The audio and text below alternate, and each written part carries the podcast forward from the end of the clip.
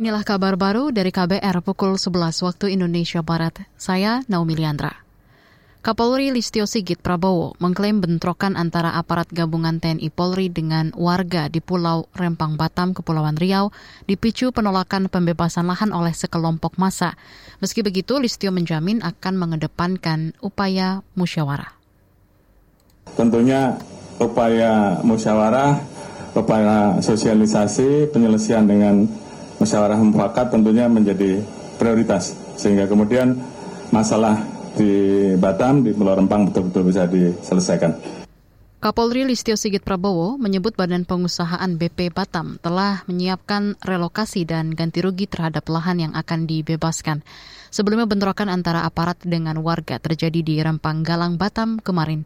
Warga yang enggan direlokasi justru mendapat perlakuan keras dari aparat. Polisi sempat menembakkan water cannon dan gas air hingga membuat banyak warga terluka. Beralih ke informasi lain, Badan Siber dan Sandi Negara BSSN mengimbau akun media sosial perseorangan hingga lembaga diproteksi secara ketat. Menurut juri bicara BSSN, Ariandi Putra, langkah proteksi yang bisa dilakukan antara lain memastikan perangkat yang digunakan menggunakan antivirus, mengaktifkan fitur dua langkah autentikasi, dan tidak menggunakan perangkat lunak atau software tiruan. Sembilan, BSSN mengimbau kepada para pengelola media sosial, admin media sosial, dan juga masyarakat secara umum, serta penyelenggara sistem elektronik untuk selalu waspada terkait dengan serangan-serangan siber, terkhususnya malware dan sejenisnya. Juru bicara BSSN Aryani Putra mengatakan peretasan akun YouTube DPR RI harus menjadi pembelajaran untuk makin waspada.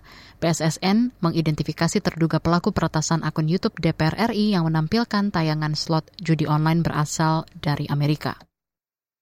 Bergeser ke berita olahraga. Timnas Indonesia akan menghadapi Turkmenistan dalam laga bertajuk FIFA Matchday di Stadion Gelora Bung Tomo, Surabaya malam tadi. Pelatih Timnas Indonesia Sintayong optimistis anak asuhnya bisa mengalahkan Turkmenistan. Dalam laga nanti, Shin tak memanggil seluruh pemain andalan lantaran ada yang bergabung ke Timnas Indonesia U23 jelang laga kualifikasi Piala Asia. Timnas Indonesia bakal mengandalkan beberapa pemain langganan seperti Asnawi Mangku Alam, Ricky Kambuaya, dan Dedi Sulistiawan. Nadio Argawinta, Ricky Kambuaya, dan Egi Maulana Fikri juga kembali dipanggil untuk memperkuat skuad Garuda. Dari segi peringkat FIFA, Turkmenistan kini menduduki ranking ke-138, sementara Indonesia di posisi ke-150. Demikian kabar baru dari KBR, saya Naomi Liandra.